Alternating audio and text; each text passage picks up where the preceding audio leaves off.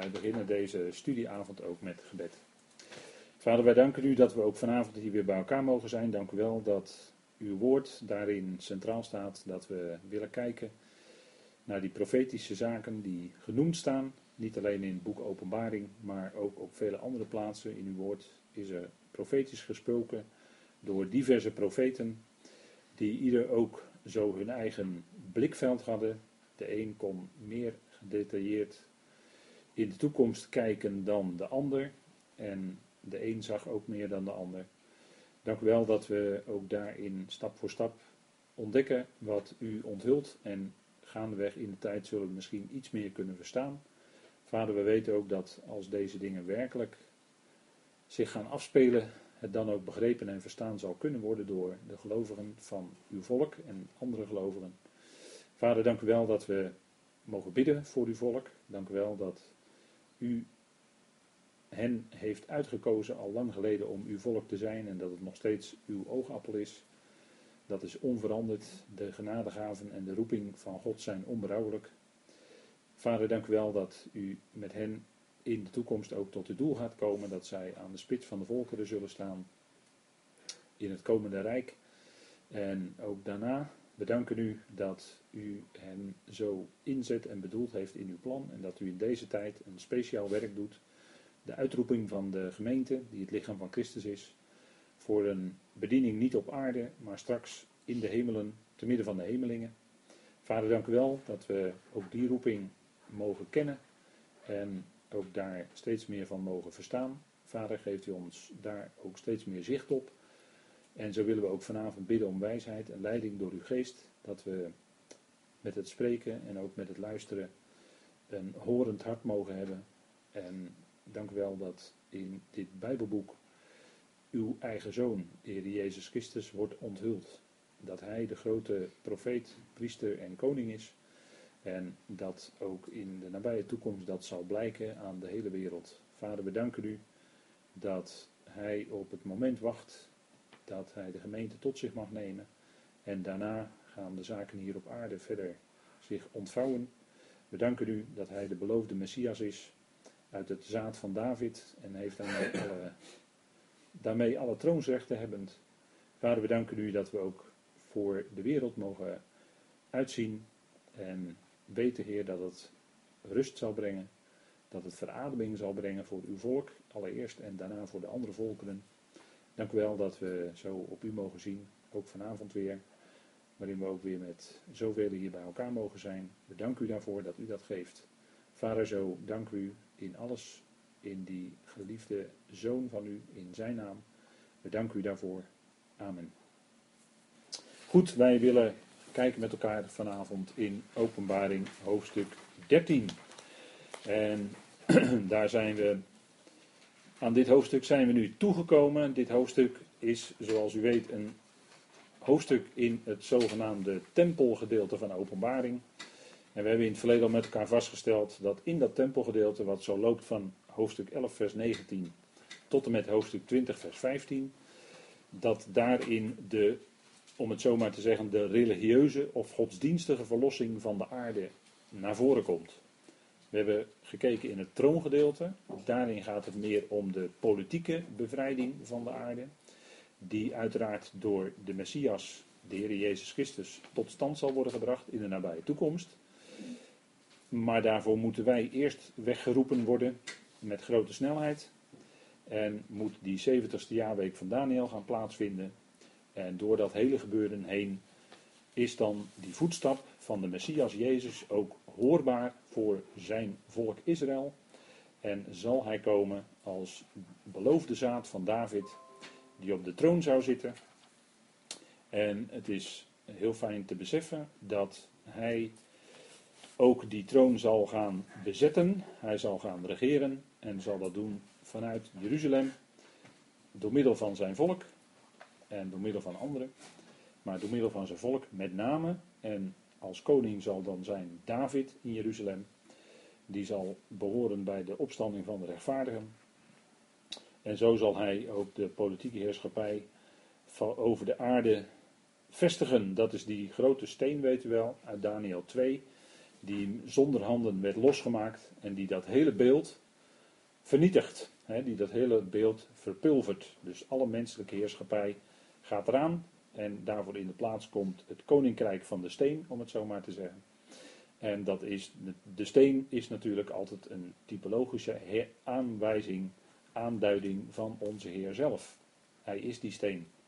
En die steenrots, hè, zo wordt Yahweh ook genoemd in de psalmen bijvoorbeeld. Hij is de steenrots waarop je kan staan. Prachtig beeld van vastheid. Ik denk bijvoorbeeld aan Psalm 18 waarin dat genoemd wordt, maar er zijn ook nog andere psalmen. Maar hij zal komen en dat zal betekenen dat het koninkrijk van de steen gevestigd zal worden. Dat zal overgaan, dat zal komen in de handen van het volk van de heiligen van de Allerhoogste, dat is Israël. En die zullen regeren in de komende tijden, tijdperken. Zal Israël regeren als koningen en ook in de duizend jaar zelfs als priesters, koningen. En zullen zij een bemiddelende rol kunnen vervullen. Maar daarvoor moet eerst, omdat het priesters zijn, moet eerst de religieuze verlossing van de aarde gaan plaatsvinden. En we zien ook in het tempelgedeelte dat de gerichten dan intenser zijn, zijn heftiger, omdat het daar gaat om de religieuze verlossing. En God duldt nu eenmaal niet dat andere afgoden aanbeden worden dan Hij zelf. Er is maar één God en die wil de aanbidding hebben van de mensheid. En er is ook een andere God die genoemd wordt met een kleine g dan, heel graag kleine g. De God van deze eon, uit 2 Korinthe 4. En die wil als de draak van de eindtijd de aanbidding voor zich opeisen. En dat lukt hem ook nog, maar dat zal voor hele korte duur zijn. We gaan toen naar de 70ste jaarweek van Daniel. En die wordt genoemd in Daniel 9. En dat gaat over, zoals het daar staat, over jouw stad. Over jouw heilige volk en jouw stad, wordt tegen Daniel gezegd in Daniel 9. Dus de stad Jeruzalem is heel belangrijk in dat geheel. En vandaag, op 6 december 2017, beleefden we toch wel een historische dag doordat de president van Amerika, Trump, aankondigde dat de Verenigde Staten van Amerika officieel Jeruzalem erkennen als de hoofdstad van Israël. En dan dus heel Jeruzalem, hè? dus West- en Oost-Jeruzalem gezamenlijk. Dat is toch wel een historisch moment, omdat in, de, in het verbond met velen, zoals het in Daniel 9 genoemd wordt, zal de status van Jeruzalem een belangrijke plaats innemen. En ook wat er zal gebeuren met het verdere grondgebied, dus met het volk. Israël, dat nu in dat kleine landje daar is, maar wat heftig wordt betwist, zoals u weet. En er is al een tientallen jaren lang vredes, vredesproces aan de gang. En dat moet toch een keer gaan uitmonden in dat verbond met velen. En daarom is waarschijnlijk toch deze dag, dat de Amerika na diverse presidenten te hebben beloofd, maar het niet gedaan. Heeft deze president het ook beloofd in verkiezingstijd, maar doet het wel. En gaat ook de ambassade van Amerika officieel plaatsen van Tel Aviv naar Jeruzalem. Het is maar een afstand van 60 kilometer of zo, maar eh, dat is toch wel een hele belangrijke afstand, want als die ambassade daar eenmaal gevestigd is, dan is er een wereldmacht, nog steeds een huidige wereldmacht, die daar dus een ambassade heeft. En dat is toch wel een belangrijk punt, denk ik. Om dat even goed met elkaar vast te stellen. Op deze eerste dia heb ik een aantal uh, kenmerkende jaartallen gezet. 1917, dat weet u misschien uit de geschiedenisboeken. U kunt dat niet meer weten, want ik denk dat er niemand is in deze kamer die ouder is dan 100 jaar. Nee, als ik zo rondkijk, dan zijn we toch allemaal jonger dan 100, denk ik. Dus we hebben dat historische moment van generaal Allenby, die uh, Jeruzalem binnentrok, niet meegemaakt. Dat deed hij uh, lopend naast een wit paard overigens. En dat was toch wel een historisch moment, want dat was eigenlijk uh, ja, formeel de bevrijding van Jeruzalem na lange overheersing en het Ottomaanse Rijk enzovoort. Het, nou goed, daar kun je allemaal niet mee vermoeien met geschiedenis. Je kunt het allemaal zelf vinden op Wikipedia, internet. Even googelen en dan u typt in Ottomaanse Rijk in Google en dan komt u zo op allerlei sites waar u allerlei informatieve geschiedenislessen kan vinden. Maar in 1917, dat is precies 100 jaar geleden, trok Allenby dus Jeruzalem binnen. 50 jaar later, in 1967, in de Zesdaagse Oorlog in juni, en dat kan ik me nog wel herinneren, werd Jeruzalem Oost-Jeruzalem bevrijd in die zesdaagse juni-oorlog. En dat was toch wel een heel historisch moment. Ik kan me dat nog herinneren, omdat mijn ouders daar erg van onder de indruk waren. En dat kwam wel op mij over. 1967 werd Jeruzalem dus één stad. En dat is precies 50 jaar na 1917. En nu zijn we weer precies 50 jaar verder. En Jeruzalem wordt erkend als de officiële ongedeelde hoofdstad door de Verenigde Staten van Amerika. Dat is toch wel een belangrijk moment. En dat is wat ehm, Trump dus had beloofd in de verkiezingstijd en hij maakt die belofte ook waar. En misschien wordt dat, ja dat weten we niet, maar dit moet het moment zijn wat uiteindelijk door God bepaald is, uiteraard. Ehm, en we nemen daarin ook mee dat uh, het wel zo is dat de schoonzoon van Trump, Kushner, is een orthodoxe Jood. En zijn dochter is ook orthodox Joods geworden. Dus daar liggen wel hele duidelijke banden met Israël, met het Jodendom, om het zo maar te zeggen. En uh, dat is toch uh, opmerkelijk dat deze president dan toch deze stap zet tegen alle waarschuwingen in.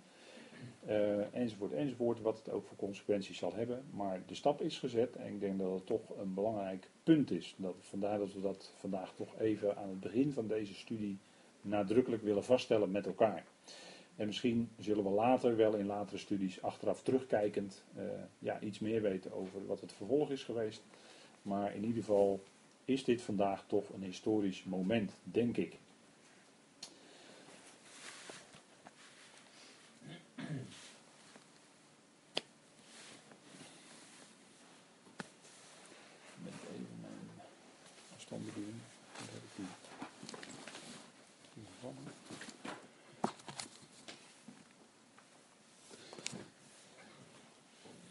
Goed, we gaan even lezen in Openbaring 13. En in Openbaring 13, daar lezen wij over het beest.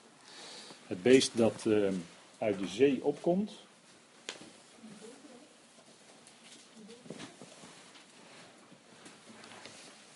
Nee, het beest dat uit de zee opkomt. En we gaan even met elkaar lezen in Openbaring 13.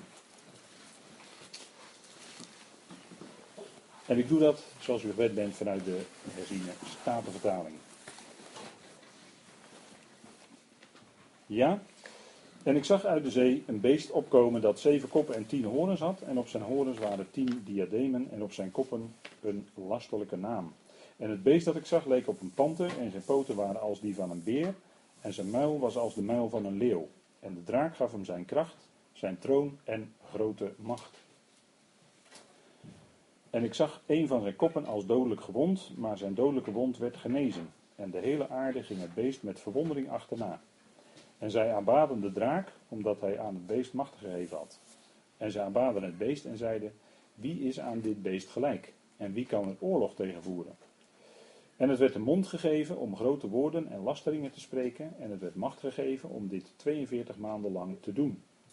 En het opende zijn mond om God te lasteren en om zijn naam te lasteren en zijn tent en hen die in de hemel wonen. En het beest werd macht gegeven om oorlog te voeren tegen de heiligen en om hen te overwinnen. En hem werd macht gegeven over elke stam, taal en volk.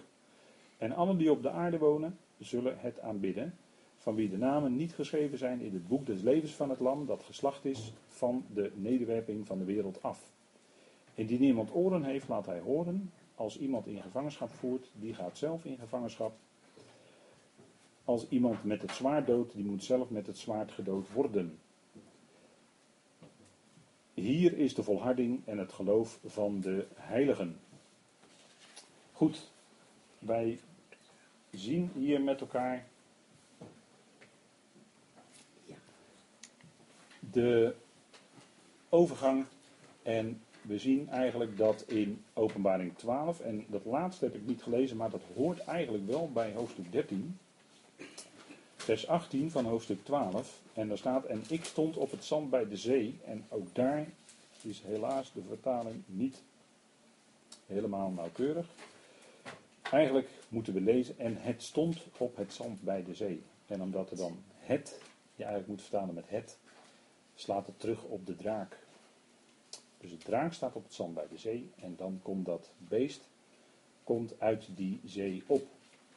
We hebben gezien in openbaring 12 dat de draak in de hemel, zoals ik het hier op deze dia even uitgeschreven heb, is in de hemel verslagen en die deed een vergeefse poging om de mannelijke zoon en de met zon beklede vrouw uit te schakelen. En we hebben gezien dat die twee uh, groepen, om het zo maar te zeggen, uitbeelden het trouwe Israël, het gelovige Israël. En het lukte de draak niet om hen uit te schakelen. De 144.000, waarvan we in deze studies naar voren hebben gebracht dat dat de mannelijke zoon is, daar zijn we van overtuigd. En de met zon beklede vrouw, dat is weer op een andere manier, duidt dat Israël aan onder een ander beeld, maar ook het gelovige Israël. Dus de met zon beklede vrouw. Dat was openbaring 12. En openbaring 13, dat is dan eigenlijk de volgende stap. Dat is opnieuw de draak die Israël gaat bedreigen. Dat zien we daar opnieuw in Openbaring 13. En eist dan de aanbidding eigenlijk, hè, door het beest en het beeld van het beest, hè, als je heel Openbaring 13 leest, die eist de aanbidding van iedereen. En we hebben net gelezen met elkaar dat deze, dit beest ook oorlog voerde tegen de heiligen, hebben we met elkaar gelezen, vers 7. De heiligen, dat is dan Israël. En om hen te overwinnen. Dus hij krijgt zelfs de overhand over Israël. Dus we zien hier opnieuw dat die draak opnieuw Israël bedreigt. Het zal dan een tijd zijn van grote verdrukking, want we gaan ervan uit dat dit de tweede helft is van de 70ste jaarweek van Daniel 9, waarin Israël een grote verdrukking zal meemaken, die ook in Jeremia wordt genoemd de benauwdheid van Jacob. Jeremia 30, vers 7 is dat. En de draak bedreigt dus via dat beest Israël. Want de draak, hebben we ook gelezen met elkaar, geeft aan dat beest zijn kracht, zijn troon en grote macht. Grote volmacht. Dus de geestelijke kracht die achter dat beest zit, is de draak. En de draak, dat is natuurlijk een beeldspraak. Het wordt gezien hier onder een visioen van een draak. Zoals we weten is een draak niet een bestaand figuur, maar is alleen bekend in de symboliek. En de draak is een aanduiding van de tegenstander zoals die in de eindtijd zich voordoet. Een grote vuurrode draak.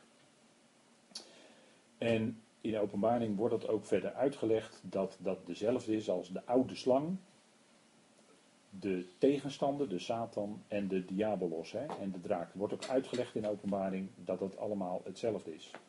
Aanduiding voor de tegenstander. Dus die geestelijke macht die achter het beest zit, is de draak. Dat is dus feitelijk de Satan, de tegenstander. Satan is het Hebreeuwse woord, dat weet u, betekent tegenstander. En het, en dan staat er ook in openbaring 13, vers 1 feitelijk, het hoort eigenlijk bij openbaring 13. En het, dus de draak, stond op het zand van de zee, dus aan de oever van de zee. En de zee is, zoals we weten uit openbaring 17, een menigte volkeren, de volkerenzee. Dus het is natuurlijk niet letterlijk water, het is symbolisch hier. Het is niet letterlijk water, maar het is een volkerenzee. En uit die volkerenzee komt een grote macht op. Voorheen was dat het Ottomaanse Rijk. En op dit plaatje is dat in het rood uitgebeeld. Op dit kaartje, wat u op de tweede of derde dia ziet, is dat in het rood helemaal uitgebeeld. Het oude Ottomaanse Rijk, hè, zoals dat was. En dat is later uh, heel sterk uh, teruggedrongen. En dat is uh, later, ja, we kennen nu nog dan Turkije. Dat is eigenlijk een, sinds Atatürk een, in principe een seculiere staat. Hoewel onder de huidige dictator is dat weer, lijkt dat toch weer steeds meer religieuze trekjes te krijgen. Maar vanaf Atatürk was het in principe een seculiere staat vanuit de overheid gezien. Alhoewel Turkije ook overwegend islamitisch is. dat is wel duidelijk. Maar het Ottomaanse Rijk is dus sterk teruggedrongen en daar had die intocht van Allenby in 1917, ja, dat was een beetje zo'n beetje het slot. Uh, het laat, laatste restje werd daarin teruggedrongen. En uh, het Midden-Oosten was, werd daarna verdeeld in mandaatgebied, zoals u weet, onder Frankrijk en uh, Groot-Brittannië. En zo zijn die landen, die, die, die daar heeft men gewoon met pen op de kaart getekend en werd het onderling verdeeld. Hè. Dus vandaar dat uh, rechte strepen Irak enzovoort, Syrië, dat het allemaal van die rechte strepen zijn. Maar goed, dat uh, is allemaal geschiedenis, dat is allemaal niet zo. Kunt u allemaal zelf nazoeken. In openbaring 13 zien we dat de draak zich nu keert tegen de rest van haar zaad, van die vrouw, dat is Israël. De getrouwen uit Israël, maar ook de afvalligen van dat volk komen langzaam maar zeker in beeld. Want die blijken te zitten in de eindtijd in Babylon. De afvalligen van Israël. Blijken te zitten in Babylon. En u ziet op deze dia een afbeelding van de Ishtarpoort. U kunt die gaan bezichtigen in het Pergamum Museum in Berlijn. Daar is die helemaal opgezet. Dus dit is eigenlijk een replica, om het zo maar te zeggen. En daar kunt u zien hoe die Ishtarpoort er in het oude Babylon uitzag. En er is, meen ik, ook een soort gelijke poort in het huidige Babylon zelf, wat, zoals u weet, onder Saddam Hussein ook herbouwd is. Maar wat nog niet terug is gekomen in zijn vroegere luister, in zijn heerschappij luister, dat is nog toekomst. Want Babylon zal zijn de hoofdstad van het laatste antichristelijke wereldrijk. dat is wat openbaring 17 tot en met 19 ons duidelijk maakt. En daar niet alleen hoor, Jeremia 50 en 51. En wat dacht u van Jesaja 14? De koning van Babel. Dat is dezelfde als waar, die we straks ook zullen zien als de wetteloze. Dat is dezelfde. Of de koning van het noorden, zoals in Daniel 11 genoemd wordt. Dat is feitelijk ook de koning van Babel. Dat is een, zeg maar een politieke aanduiding. En dat andere ligt weer anders, maar dat zullen we zien vanavond. De afvalligen van het volk, die zullen zich dan bevinden in Babylon. En die zullen dan van daaruit deel hebben, laat ik het zo maar zeggen, aan de wereldheerschappij. En dat is dan Jeruzalem eigenlijk. Hè. We hebben het over Jeruzalem, we hebben het nu ook over Babylon. Dat zijn de twee steden die tegenover elkaar staan. Jeruzalem als de stad van de grote koning. En Babylon als de stad van de koning van Babel, dus de grote tegenhanger. Het hart van de tegenstander. Hè. Kamai staat er dan in Jeremia. Het hart van de tegenstander, dat is Babel in het land Siniar. En dat beginsel was Nimrod, weet u wel. Nimrod. Daar komt het eigenlijk allemaal vandaan. Daar, dan zit ik nu in Genesis 10. Hè. We springen even heen en weer in de Bijbel nu. Maar Nimrod, het beginsel van zijn rijk was Babel. Hij begon ermee. En de, u weet wat het uh, streven was. Allemaal op een kleine ruimte bij elkaar zitten. Waar heb ik dat meer gehoord? Dan heb je een stad. En dan kun je met z'n allen aan Babel bouwen. Dus het beginsel Babel, uh, dat heeft misschien ook wel iets te maken met het, met het fenomeen stad. Maar goed, dat geef ik me eens mee om er eens over na te denken. Babylon of Babel, hè, Babel is dan meer Hebreeuws en Babylon is uh, wat meer uh, Grieks. En dat, is, ja, dat is eigenlijk het hart van de tegenstander. Daar zit het hart van de tegenstander. Het beest uit de zee. Het beest uit de zee is al eerder eigenlijk te zien geweest in de profetie. Dat gaan we ook vanavond met elkaar zien. Maar het beest uit de zee, die had als leider, en daar hebben we al wel met elkaar bij stilgestaan, en dat is misschien toch goed om dat even naast elkaar te zetten vanavond, had als leider de misleider, de valse Christus, en sterker nog, de ruiter op het witte paard van openbaring 6. Dat is eigenlijk een aanduiding van die politieke leider van de eindtijd. Die zal komen overwinnende en overwinnend. En die zal ook dat verbond met velen gaan bespoedigen en vaststellen. Daar zal die ruiter op het witte paard een grote rol in spelen. Hij zal vrede brengen, want bij het volgende paard, het rode paard, wordt gezegd dat de vrede van de aarde werd weggenomen. Dus hij zal degene zijn die echt een oplossing gaat brengen voor dat Midden-Oosten. Eindelijk. En zo zal hij ook de vredebrenger zijn en zal hij zegevieren en zal hij door iedereen aanvaard worden. De ruiter op het witte paard. En we weten dat het een uh, half jaar of een half, uh, halve zevener duurt. En dan zal hij zijn ware gezicht laten zien en dan wordt alles ineens anders. Maar goed, volgens nog is dat zijn politieke aanduiding. Dat hij als wereldleider dan op het podium gezet wordt. En dat is dan ook degene die in ehm, andere geschriften wordt genoemd als eh, de grote koning. Die zij van achter de schermen naar voren schuiven. maar dat, uh, daarover misschien later nog wel een keer. Dat komt misschien in openbaring 17 nog wel over te spreken met elkaar. Wat we gaan zien is dus het beest uit de zee. Uh, wat toch wel een, denk ik, een punt is, is dat politiek gezien, als we kijken in Daniel, want openbaring 13, moeten we toch even gaan leggen vanavond naast, oh, naast Daniel 7. En met Daniel 7 is toch iets aan de hand. Dat is toch een bijzonder hoofdstuk. Het is niet zo'n makkelijk hoofdstuk. En om dat met elkaar eens even goed te bekijken, want het is een uitleg die je eigenlijk in de meeste. Bij de, nou, je ziet het eigenlijk nergens anders. Je komt het eigenlijk alleen tegen in de Concordant Studies in the Book of Daniel van Broeder Nog. Kom je die uitleg tegen over, over Daniel 7.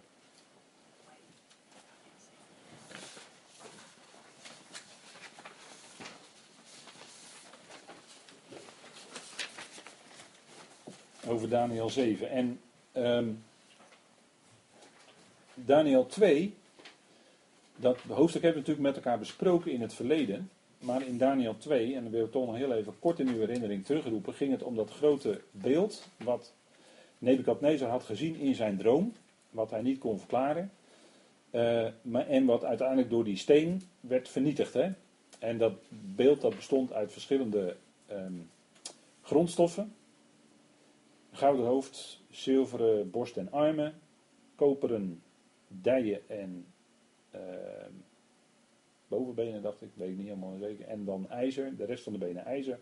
En dan tien tenen van deels ijzer en deels mm, klei. Laat ik maar zeggen klei. Nebukadnezar die zag dat. En wat stelde dat voor? Daniel legt dat uit in Daniel 2. Het gouden hoofd bleek Nebukadnezar zelf te zijn.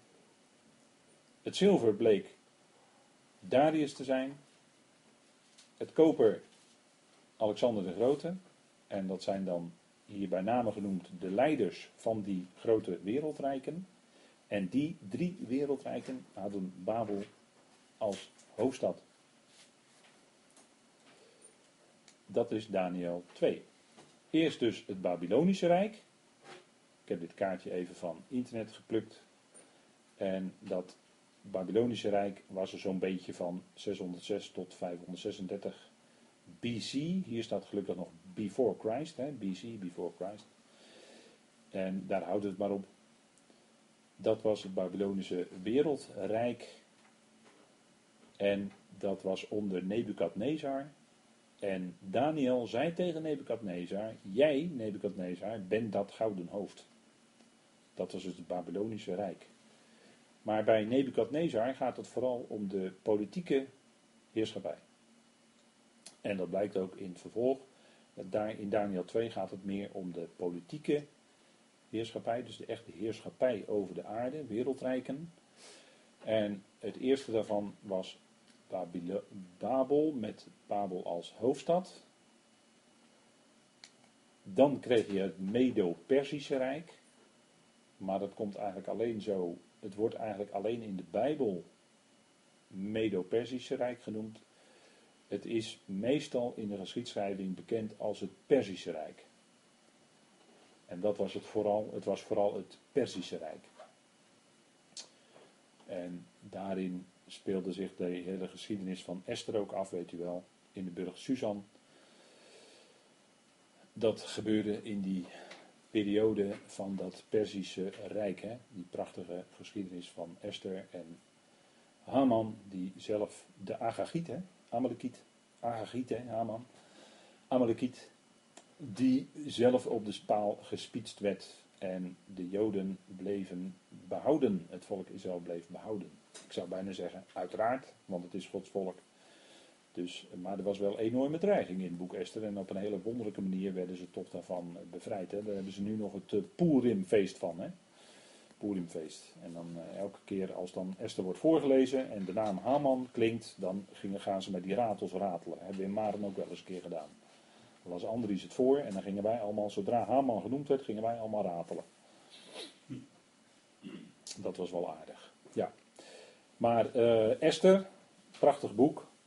En in het boek is opmerkelijk dat de naam van God niet genoemd wordt. Althans, niet aan de oppervlakte. Wel in omgekeerde vorm heeft men ontdekt. En uh, de naam die komt dan vijf keer voor. Wonderlijk genoeg, vijf keer. Maar goed, de naam van God is verborgen, maar is wel degelijk, is zijn leidende hand, leiden met EI, zichtbaar doordat hij zijn volk bewaarde. Dus het is wel degelijk een boek wat nadrukkelijk in de rollen van de schrift thuis hoort. En dat is eigenlijk een prachtig plaatje van onze tijd, waarin God zijn aangezicht verbergt, zelfs ook voor zijn eigen volk en zelfs ook voor de wereld, maar waarin zijn leidende hand wel degelijk zichtbaar is voor wie daar oog voor heeft. En wij hebben daar gelukkig oog voor gekregen. Dat is ook maar genade hoor, dat wij daar iets van mogen zien. Dat Gods hand de geschiedenis leidt, dat is ook in deze tijd zo.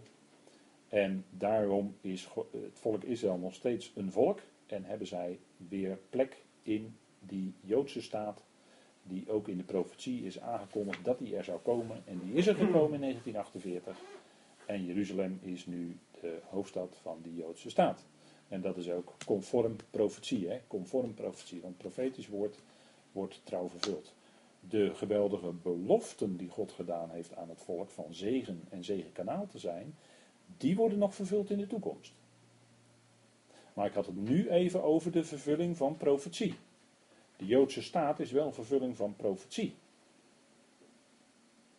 Maar de vervulling van de belofte van God, van zegen enzovoort, dat is nog toekomstmuziek.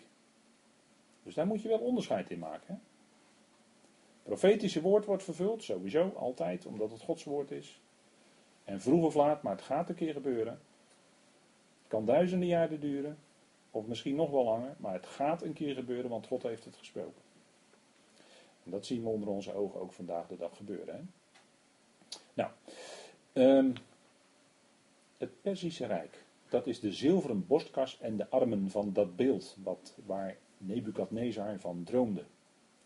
En dat Perzische Rijk had ook als hoofdstad Babel. Dan krijgen we het volgende rijk, wat genoemd wordt, dat is het zogenaamde Grieks-Macedonische Rijk van Alexander de Grote, die in grote snelheid een heel groot grondgebied veroverde en daarmee ook de Griekse taal wereldwijd maakte, waardoor wij een Grieks Nieuwe Testament hebben. Dat, dat, eh, heeft daar alles, dat is daar allemaal het gevolg van. Dat, heeft natuurlijk, dat was ook Gods hand die dat leidde. Want uh, droomde daarvan en toen moest het allemaal nog in vervulling gaan. Daniel mocht de droom dan uitleggen. Maar dat was allemaal profetisch wat zou gaan gebeuren in de tijd daarna. En dat is ook allemaal gebeurd. Heeft allemaal zo zijn beslag gekregen in de geschiedenis. En denk erom dat het boek Daniel eh, niet iets is wat achteraf geschreven is, maar die profetieën waren al bekend voordat die hele geschiedenis ging rollen. Grieks-Macedonische Rijk, dat is het koperen of bronzen buik en dijen van dat beeld. En Alexander de Grote, die wilde Babel ook verder uitbreiden, maar hij overleed plotseling op 33-jarige leeftijd in Babel. En toen viel zijn rijk in vier delen uiteen, en dat is ook geprofiteerd, onder de vier generaals, waarvan de twee bekendste zijn Ptolemeus en Seleucus, of Seleucus, hoe moet je het zeggen. En dat waren daarna de oorlogen tussen de Ptolemeën, die zaten in het zuiden in Egypte, en de Seleuciden die zaten in het noorden en daar zijn heel wat veldslagen tussen die twee uitgevochten. En dat ging allemaal om de heerschappij van dat gebied. Maar u kunt dat ook allemaal heel makkelijk terugvinden op internet. Hè? En het waren in totaal vier generaals, maar die andere twee speelden een veel minder belangrijke rol. Vooral Ptolemeus en Seleucus die hebben een heel belangrijke rol gespeeld en daar zijn heel wat oorlogen. En ehm, van het Noordelijke Rijk was bijvoorbeeld de laatste, een van de laatste was Antiochus Epiphanes, de vierde, waarvan men zegt dat was eigenlijk de antichrist, maar dat is de historische verklaring. Want die richt het beeld van Zeus op in de tempel en dat soort zaken. Hevige jodenvervolgingen. Alleen die verdrukking die duurde geen 3,5 jaar, maar die duurde korter. Dus het was niet de vervulling van de profetie. Dus de vervulling van Daniel 9 is nog toekomst om die reden. Is niet vervuld bij Antiochus Epiphanes IV. Hè, dat is de vaak gebruikelijke historische uitleg. Maar die klopt niet omdat het niet perfect past op de profetie zoals die is uitgesproken. Dat, uh, ik denk dat dat wel uh, misschien bij u bekend is en dat heb ik misschien wel in de studies van Daniel ook vermeld. Maar bij deze dan nogmaals, uh, even voor herhaling dan. Alexander de Grote overleed, 33-jarige leeftijd, en toen was het voorbij. En toen ging er in feite een hele lange tijd voorbij. En het vierde rijk, wat zou komen, wat wereldwijd ook zou zijn, dat is eigenlijk nog toekomst. En dat is niet het Romeinse Rijk, want het Romeinse Rijk, de Romeinen hebben nooit Babel veroverd. Ze hebben nooit Babel veroverd, ze zijn nooit zo weggekomen.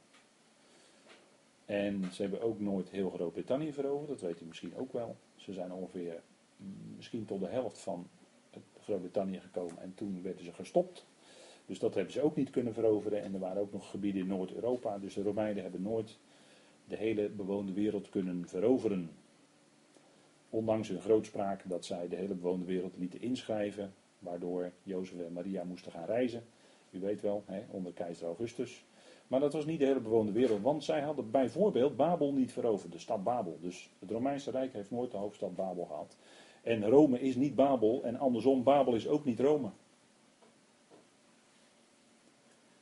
Want als er in de Bijbel staat dat het Babel is, dan is het Babel. En als het gaat om Rome, dan is het Rome. En daarom zat Petrus, hè, 1 Petrus 5, die zat, en dan zegt hij, u groet de mede uitverkorenen uit Babel, dan zit hij niet in Rome, dan zat hij in Babel. Moeten niet die dingen verwisselen. Dat, hè, dan gaat men dat wegredeneren, omdat men dan geen weg weet met de naam Babel. En dan zegt men, ja, eigenlijk is Rome Babel. Nou zijn er wel veel Babylonische principes, religieus gezien, in Rome nog steeds aanwezig. Dat wel, dat wel. Alleen, Rome is niet Babel en ook niet andersom. En Jeruzalem is ook niet Rome en andersom.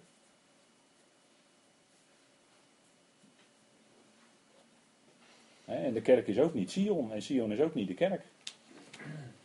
Ja, zo kunnen we nog wel een tijdje doorgaan natuurlijk. Hè? Maar dat zijn allemaal van die verschuivingen waarin men dingen wegredeneert. Hè? Waarin men dingen uit de Bijbel gaat beredeneren. En dan gaat men het wegredeneren wat de eigenlijke betekenis is. En dan komt er iets anders voor in de plaats. En u weet wie daar de meester in is. Daarom is het heel goed om heel scherp te blijven op wat staat er nou eigenlijk echt. Hè? Goed, het laatste antichristelijke rijk. En dit plaatje dacht ik misschien wel aardig. Hè? Een tekening van de wereldberoemde hangende tuinen van Babylon, die er ooit geweest zijn. En men vraagt zich nog steeds af hoe ze dat hebben gedaan.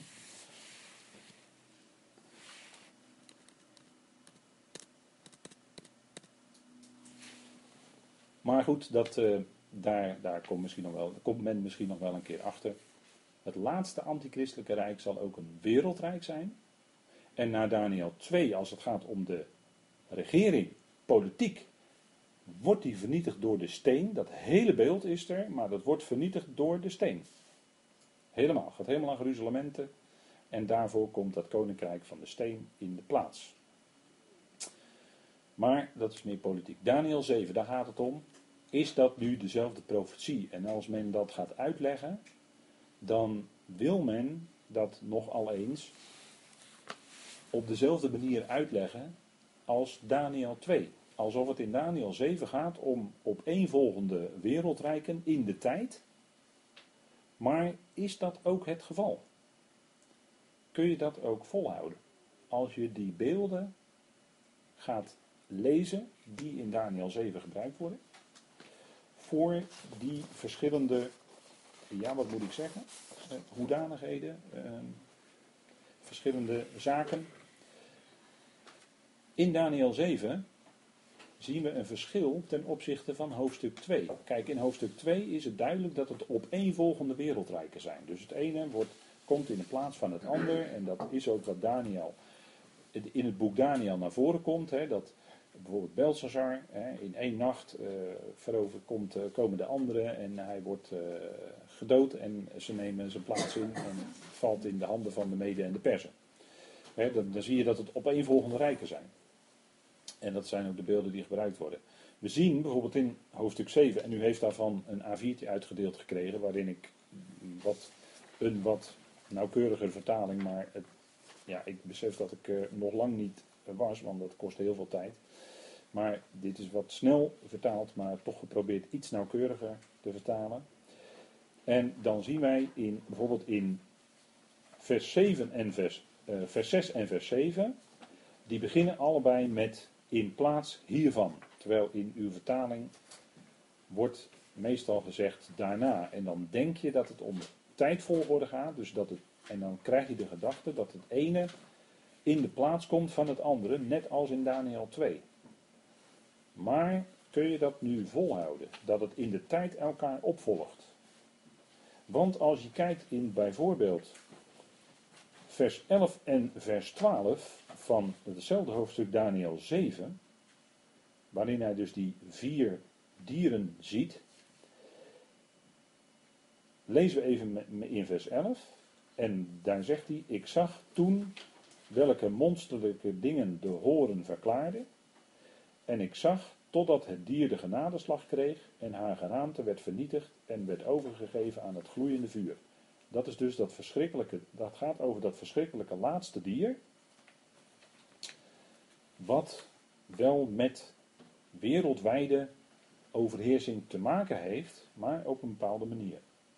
En dan staat er in vers 12, en de rest van de dieren, dus die andere drie, hun autoriteit werd weggedaan en hen werd verlenging van leven geschonken tot de vastgestelde tijd en era. Hey. Dus er zijn er drie van die vier die gezien worden in Daniel 7, die nog even langer blijven dan dat vierde verschrikkelijke dier wat dus vernietigd wordt. En dan kun je niet meer spreken over opeenvolgende wereldrijken, net als in Daniel 2. Is toch vreemd, hè? Dat die drie dus nog een tijdje blijven, terwijl die vierde al teniet gedaan is. En dat is niet wat we lezen in Daniel 2. Dat is dus een belangrijk verschil. Want in Daniel 2 komt die steen en die vernietigt dat hele beeld. En dan wordt het koninkrijk gegeven aan de heiligen van de Allerhoogste aan Israël. Maar dat gebeurt hier in Daniel 7 niet. Dus dit is dus wat anders. Hoe kan het dan dat die drie nog even blijven nadat die vierde is weggedaan? Vreemd hè? Nou, we gaan even kijken. En we gaan even terug in het hoofdstuk. Hoofdstuk 7 van Daniel. En dan staat er. En dan zien we dus wel wat opmerkelijke verschillen ten opzichte van uw gebruikelijke vertalingen. Vertaling die u heeft, de NBG-vertaling of de Statenvertaling of de herziene Statenvertaling. Maakt eigenlijk niet uit. Het is toch wat anders. En ik geef je dat mee als ter overweging. Daniel, vers 2 begin ik even te lezen. En nee, even vers 1. In jaar 1 van Belshazzar, de koning van Babylon, zag Daniel, hijzelf, een droom. En visioenen van zijn hoofd op zijn bed. Toen schreef hij de droom, gezegd het begin van de zaken. Daniel spreekt op en zegt: ik zag in mijn visioen tijdens de nacht en zie de vier winden van de hemelen die snelden naar de grote zee. En vier monsterlijke dieren die van de zee opkomen, verschillend van elkaar. De oosterse, daar staat in het Hebreeuws het woord kedem, en dat is niet zozeer een tijdaanduiding, maar meer een plaatsaanduiding. Dat is een belangrijk punt. Kedem. Kof Dalet Meen. Was als een leeuwin. En u ziet dat hier dus de naam vrouwelijk is, leeuwin. Terwijl in eigenlijk alle andere vertalingen leeuw staat. En dan zou je denken dat het een mannelijk dier is. Maar hoogstwaarschijnlijk op basis van de Hebreeuwse tekst gaat het hier om een vrouwelijk dier, dus een leeuwin. En zij had de vleugels van een gier.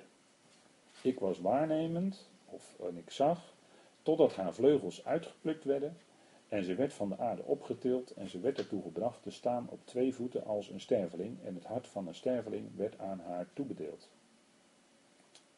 Dat is het eerste, een leeuwin. Het tweede, en ik zie, en zie een ander dier, een tweede, één als een berin. Opnieuw vrouwelijk, hè? Berin. Eén deel werd opgezet en drie ribben werden in haar mond tussen haar tanden. En zo zeide zij tegen haar: Sta op, verslind grote hoeveelheden vlees. Het tweede dier is dus een berin. Het derde, in vers 6, in plaats hiervan nam ik waar en zie een ander dier als een luipaardin. Een vrouwelijk luipaard.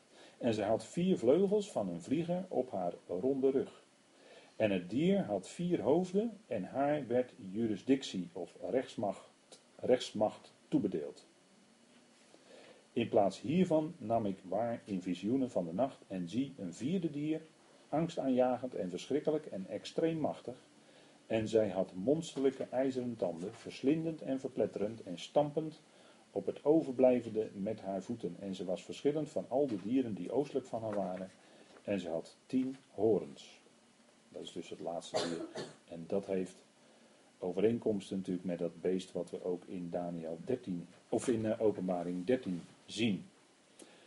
Dat is dus een punt. Hè? Het gaat hier, als je op het Hebreeuws afgaat, dan krijg je toch sterker de indruk dat het hier om vrouwelijke dieren gaat en niet om mannelijke dieren. En omdat dat zo is, zou je daarom, dat is een reden waarom je hier meer moet denken aan religie, aan religieuze zaken. Tweede punt is dat woord ten oosten van. Dat komen we bijvoorbeeld ook, dat woord oosters hebben we dus in vers 4 gezien, maar dat komt ook terug in vers 8. Daar staat, ik was aan het nadenken over de horens en zie, een andere kleine horen kwam op tussen hen in en drie van de oostelijke horens werden ervoor uitgerukt. Dus ook dat woord oostelijk opnieuw, hè? kedem. En zie ogen als van een sterveling in deze horen en een mond die monsterlijke dingen uitspreekt. En het voerde oorlog tegen de heiligen. En u ziet daar een zeventje en een nulletje. En ik heb dat in de toelichting erbij gezet. Dat, dat is de lezing van de Griekse vertaling van het Oude Testament. De lezing van de Septuaginta. En die heeft uh, de concordante tekst er dan bij staan. Als nadrukkelijk punt van denk hieraan, dit is de lezing van de Septuagint. Maar we zien dus opnieuw hier dat woord oosten. En dat doet dan dus ook meer denken aan een plaatsbepaling dan aan een tijdsbepaling. Dus dan gaat het hier niet zozeer om dat het elkaar opvolgt, maar dat het tegelijkertijd naast elkaar bestaat. En we hebben al gelezen met elkaar dat opmerkelijke in vers 12, dat dus drie van de vier bleven nadat het vierde al lang verslagen en vernietigd was. Ook een punt, hè? Wat je dus niet ziet in Daniel 2. Dat heb ik even op deze dia samengevat. De dieren zijn vrouwelijk. In Daniel 2 is het onder Nebukadnezar. Dan gaat het meer om de politiek. En nog een punt van waardoor we mogelijk kunnen vaststellen dat het hier gaat om een religieuze zaak, is dat het onder Belshazzar gebeurt. Dat is vers 1. In jaar 1 van Belshazzar. Wat is het nou het verschil? Bij Belshazzar, waarom werd Belshazzar afgezet? Omdat hij feest ging vieren en omdat hij het gerei uit de tempel gebruikte uit de tempel, wat was weggevoerd uit de tempel van Jeruzalem, dus was bedoeld voor de dienst aan God. Dat gerei had hij meegenomen En hij ging heel bewust in Daniel 5 feest vieren met dat gerei erbij, die bekers enzovoort. En dat was dan ter ere van de afgoden van Babel. En dat was het punt waarop Belshazzar werd afgezet. En daarvoor in de plaats dus de Mede en de Persen kwamen. Ja? Dus bij Belshazzar wordt er heel nadrukkelijk in Daniel 5 die religieuze aanduidingen gebruikt, godsdienstige aanduidingen, dat hij het tempelgerij gebruikt. En we zien hier in jaar 1 van Belshazzar, de koning van Babylon, zag Daniel dit visioen. Dat was dus voor dat hij werd afgezet en voor dat, dat handschrift op de muur kwam, mene, mene, tekel, oefarsin, gewogen, gewogen, te licht bevonden, en je rijk wordt verdeeld, is van je weggenomen. Het gaat over in de handen van de mede en de persen. U weet wel, bekende uitdrukking, het teken aan de wand kennen wij daar nog van. Hè? Het is een teken aan de wand. En dat betekent dan dat de zaken gaan beëindigen. Hè, zo, uh, zo was er een economisch commentator, die, waarvan ik vandaag las, die zag het voor Turkije als een teken aan de wand dat de centrale bank van Turkije veel, heel veel goud aan het inkopen is, omdat de economie van Turkije op instorten staat. En dat zou ook wel eens een belangrijk moment in deze tijd kunnen zijn. Dat de economie van Turkije gaat instorten, want Turkije is nu eenmaal een sleutelland hè, tussen Europa en het oosten daar, het Midden-Oosten. En Turkije, dat gaat natuurlijk in de profetie ook nog een belangrijke rol spelen. maar als de centrale bank van een land heel veel goud gaat inkopen, dan is dat een signaal dat die economie en de toeristen, waar Turkije toch voor een behoorlijk deel de economie op berusten, die toeristenindustrie is volledig ingestort hè, in Turkije, zoals u weet. Maar die vond het een teken aan de wand. En die uitdrukking komt voort uit Daniel 5, hè, dat handschrift aan de wand. En dan is het teken ja, dat het einde is, einde verhaal. Einde economische voorspoed van uh, Turkije. En uh, ja, we weten ook niet hoe lang de economische voorspoed wereldwijd nog duurt. Er is nu allemaal wat groei, het gaat nu allemaal wat beter enzovoort. Maar het kan zomaar weer. er zijn ook tekenen die erop wijzen dat het ook weer minder gaat worden. Maar goed. Naast elkaar. Dus dat is ook een punt waarom we kunnen zeggen Belshazzar in jaar 1 van Belshazzar, de koning van Babylon, religieus. Had te maken met de vaatwerk en het gerei uit de tempel. Dus ook een punt hè, waarop we misschien kunnen vaststellen dat Daniel 7 toch iets anders aanduidt dan Daniel 2. Dit is wat we weten uit uh, de recente geschiedenis. En dat heeft wel degelijk te maken met wereldwijd religieus. Dit is een uh, moment in 1984 bij Verdun, een herdenking, 22 september 1984. En dan zien we de oude presidenten Kohl en Mitterrand van de twee Europese grootmachten. En die maken hier het M-teken, het teken M, de letter M. En dat is van de vrijmetselaars, van de Masons. Dit is een foto die ze heel bewust, ze hebben heel bewust daar gestaan om deze foto te kunnen maken. Dit is een signaal naar de wereldwijde vrijmetselarij. Hier maken ze de letter M.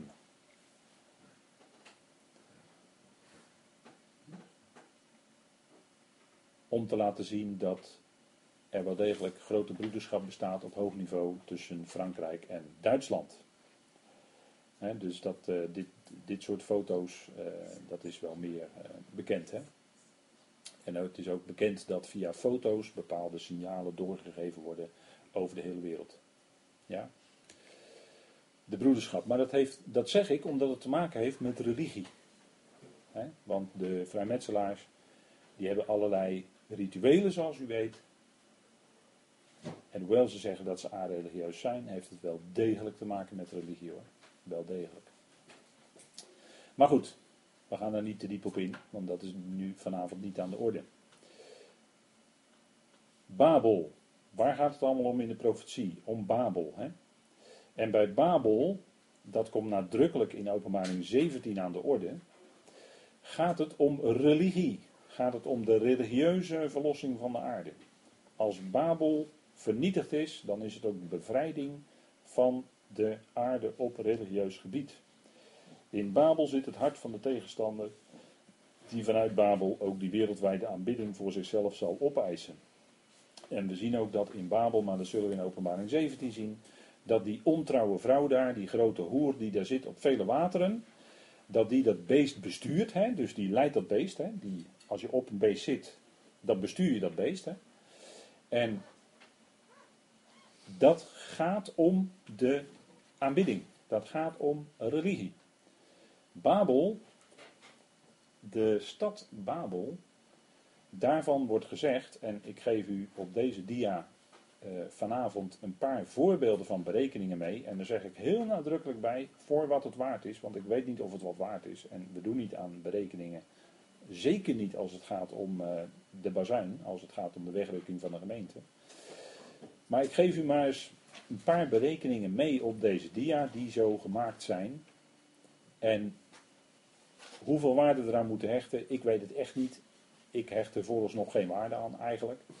Maar ik geef het maar eens mee ter overweging. U zou dit misschien wel eens tegen kunnen komen ergens. Um, een gedachte is bijvoorbeeld het herstel van Babel na zeven tijden, zoals dat staat in Daniel 4. Herstel van Babel na zeven tijden. Zo wordt dat gezegd in Daniel 4, hebben we met elkaar besproken. U weet wel, die boom hè, met een ijzeren en een koperen band eromheen. En dan later ging die boom, kwam het toch allemaal weer tot bloei, weet u wel. Maar voordat het weer tot bloei kon komen, Babel, dat het echt weer een oude luister zal hebben, zou zeven tijden gaan duren. Staat daar twee keer in Daniel 4. En nu heeft men gedacht, dat is misschien wel een periode van 2520 jaar. Zeven tijden zou dan zijn, zeven keer 360 jaar. En de ontluistering van Babel, dat de muren werden afgebroken, niet heel Babel werd verwoest.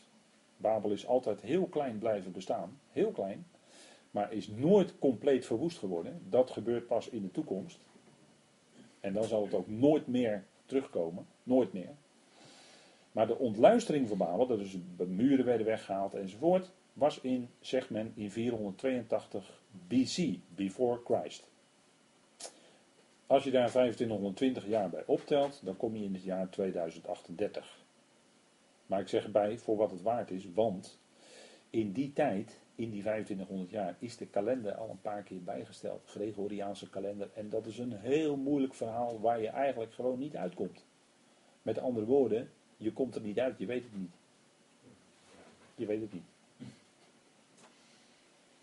Dus ik moet u teleurstellen. 2038 is misschien mooi om te weten, maar we weten het gewoon niet. De kalender is zodanig gewijzigd Ga er maar eens een poging doen om het uit te rekenen. Je, komt je komt er niet hoor, want het is allemaal zo moeilijk. In vergelijking daarmee, en dat is, dat is wat dichter bij huis om het zo maar te zeggen, is een profetisch jaar is 360 dagen. De laatste jaarweek is dan 7 keer 360 dagen, is 2520 dagen. Dat is wel zo, want de helft is 1260 dagen. Wordt ook in openbaring genoemd. Hè? Dus dat klopt wel. Omdat we dat kunnen terugvinden in de schrift. Een andere berekening, die ook heel grof is, dat zeg ik er ook gelijk bij. De dood van de Heer was in 33 AD. En een profetisch jaar, of uh, er wordt gesproken over twee dagen hè, in de profetie, Hosea 6, twee dagen. Na twee dagen zal ik u doen herleven. Bij de Heer is een dag als duizend jaar en duizend jaar als een dag, zegt Petrus. Hè, twee keer, dus 2000 jaar. Dus 33 AD plus 2000 jaar, na twee dagen is 2033, zou je kunnen zeggen.